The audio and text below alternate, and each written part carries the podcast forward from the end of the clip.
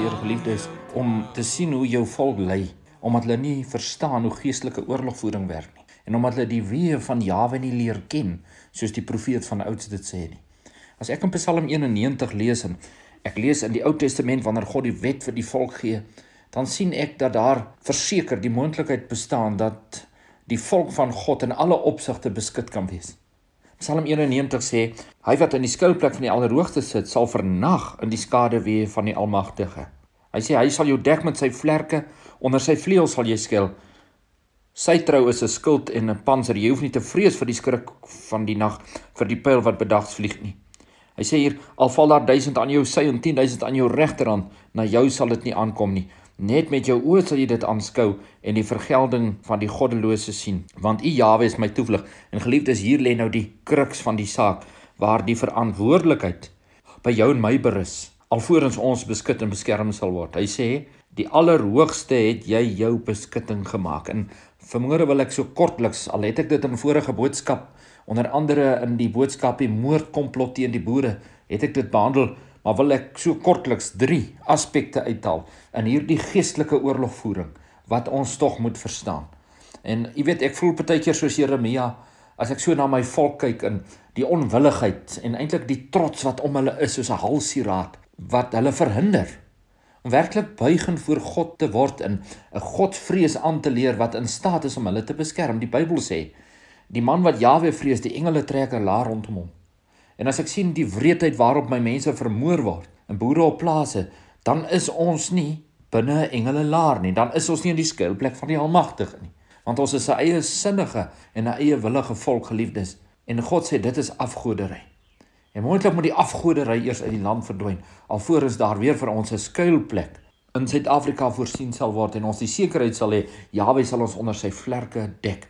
Daar kan maar 1000 val aan ons linkerhand, 10000 aan ons regterhand. Ons sal nie vrees nie, want die engele van God is rondom ons. En geliefdes, die eerste belangrike aspek waarin hierdie beskutting van God verwerklik word, is in 'n een eensstemmige definisie oor die godheid. Ons sien vanuit die Ou Testament was dit voorop vir die volk van ouds wat onder leiding van Moses moes trek en die land inneem dat daar nie verskille in mening en opinie oor God moes wees nie. Ons kan nie verskillende definisies en verklaringe van God handhaaf en dink ons kan 'n gebed doen by 'n hofgeleentheid en God gaan vir ons uithelp en hy gaan vir ons hoor nie. Of ons gaan Sondag elkeen in sy eie kerk sit en ons gaan ons gebietjies bid en ons is in die, die beskutting van God. Die nie geliefdes. In die Ou Testament was daar 'n tempel in Jerusalem waarheen die hele volk moes optrek. En van daar sou die wet van God uitgaan oor die volk en daar sou geen verwarring in verdeeldheid wees onder die volk oor wie Jawe is nie. Nou Malagi beskryf die leer wat die Levitiese priesters moet bring as betroubare regsleer wat in hulle mond was. En dat die behoud van 'n volk daar begin geliefdes. Want as ons verdeeld is in leer oor God, in definisie oor wie hierdie God is, geliefdes, hoe kan ons met werklikheid sê ons ken hom? Sal dit nie wonderlik wees as daar 'n dag kom wat God 'n skuilplek sal voorsien waar ons lees hulle sal nie mekaar hoef te leer nie, maar almal sal my ken. Daar sal so 'n dag kom wanneer die valse profete uit die land sal verdwyn, aldes Sagaria 13 en die onrein gees En ons daar lees die volk sal sê, "Jahwe, my God," en ek sal sê, "Dit is my volk." Jy sien, hierdie eensstemmigheid in leer, weet die apostel Paulus het hierdie beginsel van geestelike oorlogvoering so goed verstaan. Hy wat sê, ons moet 'n volle wapenrusting van God aantrek en eintlik sterk word, want ons geveg in Suid-Afrika 'n geestelike geveg, geliefdes. Ons geveg is nie teen die magte wat ons sien nie. En dis wat my volk nie verstaan nie. Ons moet die geestelike geveg wen. En voordat ons nie by eensstemmigheid in leer gaan uitkom nie, en ek dink dit gaan nog teen 'n baie duur prys kom in Suid Suid-Afrika want ons is baie ver daarvan af dan gaan daar nie vir ons 'n uitkoms voorsien word nie. Want buiten vir die feit dat die eensstemmigheid in leer ons aan die ware God verbind. So Paulus sê as iemand vir julle iets anders leer as wat ek vir julle leer, laat hom 'n vervloeking wees weg van die Messie af. So dit wat ons geleer is in ons definisie van God kan ons van God verwyder of dit kan ons aan God bind. En daarom as ek sorgvuldig kan luister na die stem van Jahwe, sê die skrif, Hulle kan op een pad gaan laat teen jou uittrek en op sewe paaie voor jou uitvlug. Nou ek het vir iemand gesê in die week dat in hierdie geestelike oorlogvoering vir die volk van God ons nooit die aanval begin nie. In Suid-Afrika wanneer daar 'n oorlogssituasie sal uitbreek, ons gaan nie die aanval begin nie. Dit is ons beginsel wat ons handhaaf in die gemeente. Ons gaan hierdie spreekwoordelike fort beman en seker maak dat daar geen bresse in ons mure is nie en dan wag ons dat hulle die aanval begin en wie op jou aanval sal oor jou val want wie jou aanraak raak my aan en die engele van God staan gereed geliefdes tot hulle die aanval begin. Maar u en ek moet gereed wees en ons moet seker wees daar is 'n muur rondom ons. Eensstemmigheid in leer en 'n eensstemmige definisie oor God voorsien 'n muur rondom 'n volk. En uh daarom staan ek daarby dat alvorens ons nie een van sin in siel word soos Paulus sê dit sal sy blydskap volkome maak as ons daar kan kom. Geliefdes, sal daar geen gemeenskap met God wees, geen innige ontferming, geen vertroosting, geen bemoeienis van God met sy volk nie. Want ons moet aantoon dat ons hom ken. Die verdere wat hierdie eensstemmigheid in leer openbaar, is die wat nie God se volk is nie. Want hy sê die wat na my stem luister Want Yeshua sê nie almal kan na my stem luister. As ons nie instemmig is in leer nie, dan openbaar dit die feit dat ons is nie almal God se volk nie. En al gaan die kleerlinge en die blankes saam in aksie teen hierdie plaasmoorde geliefdes, gaan dit nie 'n goeie gevolg vir die blanke volk in Suid-Afrika vir die boere inhou nie. En sal daar nog baie bloed in hierdie land vloei, want God sê as jy my aanbid, moet jy my in heiligheid aanbid. Jy moet jou afsonder. Geen baster mag in die vergadering van God kom nie. Daarom die eensstemmigheid in leer openbaar 'n heilige volk. Dis die tweede aspek wat so belangrik is as ons nie 'n heilige volk voor God is wat ons afsonder nie. Geliefdes, is daar nie 'n beskutting oor ons nie. Kan ons nie aanspraak maak op God se intervensie en God se bemiddeling en God se hulp nie. En daarom word ons mense vermoor op die plase want ons wil die Springbokke sien deelneem in die wêreld in gemengde sport en ons sit ons kinders in die beste skole al is dit gemengde skole en nou verwag ons God moet ons beskerm. Dit sal nie gebeur nie, geliefdes want dit is in God wat ek in die Bybel nie van lees nie. Die God van die Bybel sê, hy beskerm 'n volk wat afgesonderd woon. In die tyd wat Biliam die volk wou aanval en vernietig onder die leiding van Moses en Biliam ingekry is om die volk te vervloek, dan sê hy vir die koning, jy kan niks aan die volk doen nie. Kyk hoe afgesonderd woon hulle. En kyk hoe trek hulle laar. Dit bring my by die derde aspek van ja eendragtige aanbiddingswyse sal 'n beskutting en 'n intervensie, 'n hulp van God voorsien, geliefdes.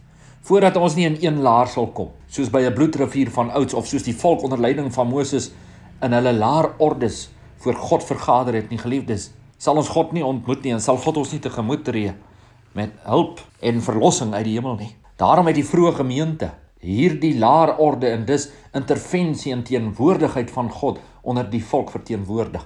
Die tempel was 'n sinnebeeld in die Ou Testament van 'n volk wat daar eendragtig bymekaar gekom het en dan God beleef het. In die Nuwe Testament is dit die gemeente. Ons sien in die eerste 300 jaar na Yeshua hoe die vroeë gemeente ontwikkel het en hoe daar van daardie vroeë gemeente leiers op brandstapels sou sterf vir die eenheid van die gemeente. Daar's net een gemeente geliefdes en daar's net een ruimte van aanbidding. Anders speel ons 'n speletjie met God. Anders verkeer ons onder illusies en ons sal nie met God speel nie, ons gaan met vuur speel. Hy sê rondom sy troon is daar 'n vuurvlam en rondom hom storm dit geweldig. En ek dink in Suid-Afrika speel ons 'n speletjie met God. En ek dink die vlamme begin ons skroei. En ek dink die storm is maar nog in sy beginfase oor Suid-Afrika. Maar ons sal gedwing word in een laar En moontlik sal ons oorbly soos 'n vlagpaal op 'n heuwel of as 'n klein en geringe volkie wie se stem uit die grond piep geliefdes, maar in een laar sal ons versamel wees en dan sal die wonderwerk gebeur. So geliefdes, kortliks drie dinge waarin die oorwinning vir die boervolk verseker lê. En as ons dit nie bereik nie en as ons daarby nie uitkom nie, moet ons nie God betrek in die stryd wat ons gaan voer in die land nie. En wil ek met enige aksie buite hierdie skriftuurlik voorwaardelike eise van die skrif wil ek met so 'n aksie niks te doen hê nie en sal ons ons daarvan distansieer en God uitwag totdat hy die handelende is en totdat die aanval gemaak word dan sal ons sien waar's die mure en waar's die skuilplek van die almagtige in Suid-Afrika Die eerste is dus 'n eensstemmigheid in definisie oor God. Ons kan nie verskil in leer nie. Paulus sê hulle moet verenig wees in dieselfde mening en in dieselfde opinie. Want dan sê ons ons bedoel dit met God. En verder openbaar hierdie eenheid van leer wie is die ware volk van God want Yeshua sê net my skape kan na my stem luister. So die wat kan luister sal by mekaar kom en aantoon hulle skape in die kraal. En God se bemoeienis is met sy volk.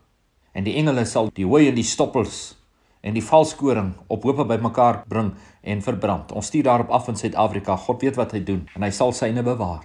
Dis 'n feit. Die tweede belangrike is 'n eendragtige wyse van aanbidding. Dieselfde ordes, dieselfde dissiplines voorsien 'n goddelike intervensie en bemiddeling. Want dit is 'n wyse waarop God betrokke is. God is op 'n sekere wyse betrokke, geliefdes, en dit lê daarin dat ons gesagvol en met respek en met 'n Godvrees erkenning aan Jahwe sal gee deurdat ons bymekaar sal wees in een huis van aanbidding. Dis soos die psalmskrywer sê, hoe lieflik is dit as broers saamwoon. Daar gebied Jahwe die seën vir ewig. Daar staan die stoele van die gereg van die goddelike mag en heerskappy. Daar is 'n volk onaantastbaar waar broers kan saamwoon. Is ons vermoere broers bymekaar? Nee, dit sal nog aan die lig kom, geliefdes. Die derde is dis 'n heilige volk waar ons waarlik broers is wat bymekaar woon, gebore uit een vader en een moeder. Dis ons probleem in Suid-Afrika. Ons is nie almal boere nie, geliefdes. Ons is 'n groot minderheid wat waarlik suiwer semities volk van God is en daarom daarom gaan die geweld om uitspeel in Suid-Afrika totdat die suiwer volk van God geopenbaar word in die land. Kom u en ek hou moed en ons hou kop en ons verstaan die weë van Jahwe. Vader, baie dankie. Ons weet geen haar sal van ons hoof val sonder u wil nie. Geen koringkorrel op die grond nie, want u is die almagtige, die bewaarder van Israel wat nooit slymer en slaap nie. Wat vir ons die sekerheid gee dat as ons in die skuilplek van die Allerhoogste sal sit, ons ook sal vernag in die skaduwee van die Almagtige. Dankie vir geloof in ons harte en oortuiging van u werkswyse en u beskutting onder u volk. Leer ons hande om te veg, ons vingers om oorlog te voer in die tyd wat ons leef in Suid-Afrika se volk. God sal jou trou sal jou trou